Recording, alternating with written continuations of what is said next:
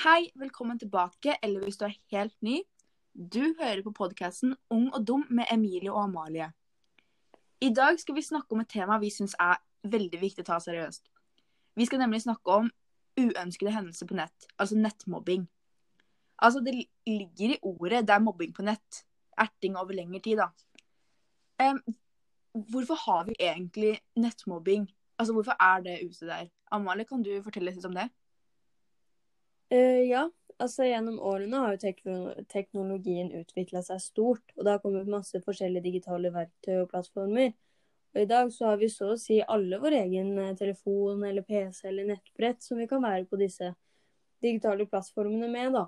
Mm. Uh, og selv om dette er positivt for oss mennesker, har det, også, har det også negative sider ved seg selv.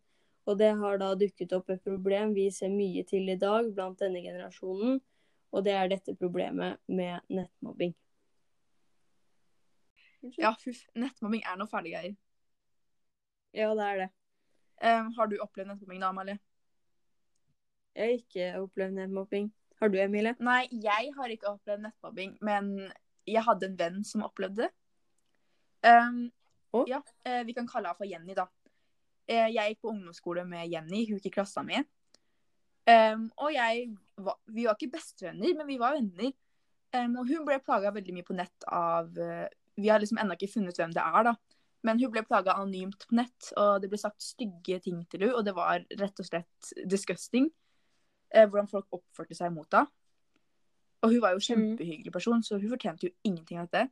Og det ble så ille at det påvirket hun så mye som person at hun Altså, hun sluttet på håndballaget vårt, og hun Karakteren hennes gikk ned, og det endte faktisk opp med at hun bytta skole. Såpass, Ja. ja. Så det var jo Hun har det bra nå, da, heldigvis. Det er bra. Men sosiale medier gjør, gjør jo det enklere for oss å holde kontakt med venner og familie. Eh, vi kan dele morsomme, rare bilder eller videoer, eh, men det er ikke like artig når man faktisk sender feil. Eh, bruker bilder og videoer uten at man har sagt det er greit. Eller, eller selvfølgelig hvis man mottar truende beskjeder. Det er sant. Um, I 2019 så gjennomførte jo analysebyrået OMG en undersøkelse på nettmobbing for unge mellom 15 og 25 år. Um, der sa faktisk 24% at de hadde opplevd mobbing eller trakassering over nett. Og det vil faktisk si at én av fire unge har opplevd nettmobbing. Det er en god del. Ja, én av fire. Skulle ikke trodd det. Det er mye. Mobbing er et eksempel på uønskede hendelser. Det er lettere å mobbe over nett, for man kan være anonym. Og mange føler seg tryggere når de er anonyme. Ja, da kan man jo gjemme hva identiteten sin er. Ja, og dette har hjulpet mange som ikke syns det er lett å gå i offentligheten, f.eks. å få seg venner gjennom sosiale arrangementer eller noe sånt. Ja, Man kan fort bli dømt ut fra hvordan man ser ut. Ja, Det er det som er så Mm. trist. Og noen mennesker syns det er lettere å få seg venner eh, gjennom å gjemme seg bak en skjerm der ingen kan se den. Eh, for der kan, man, der kan de ikke dømme deg for hvordan, de ser, hvordan man ser ut, fordi man blir liksom bare kjent med stemmen din da, og hva du mener og snakker om. Ja, Det skjønner jeg. Vi spurte da dere lyttere om dere kunne sende inn direktemeldinger til podkasten om hva dere synes om å være anonym over nettet, og hva deres tanker er om dette. Oi, se her, ja. Her har vi fått en direktemelding. Amalie, har du lyst til å få æren til å lese den? Jeg kan godt lese den, jeg. Eh, det er en DM av Jesper, og han skriver Hei, jeg sitter i rullestol. Jeg syns det er vanskelig med sosiale settinger fordi jeg blir dømt for at jeg sitter i rullestol.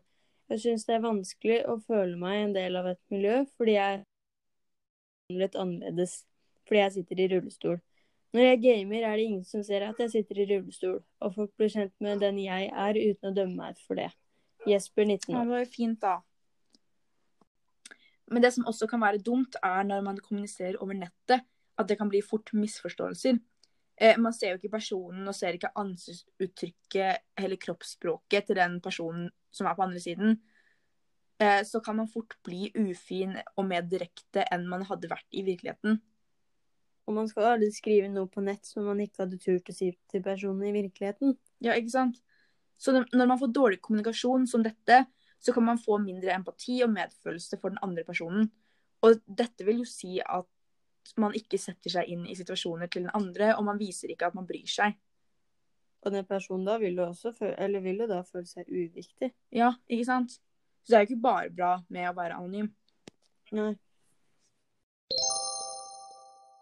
Oi, se her, Amalie. Her har vi fått en direktemelding til av Eva. Hun mm. skriver Hei, jeg var en del av nettmobbing som skjedde på ungdomsskolen. Jeg er nå 20 år og sliter enda med konsekvensene dette har fått.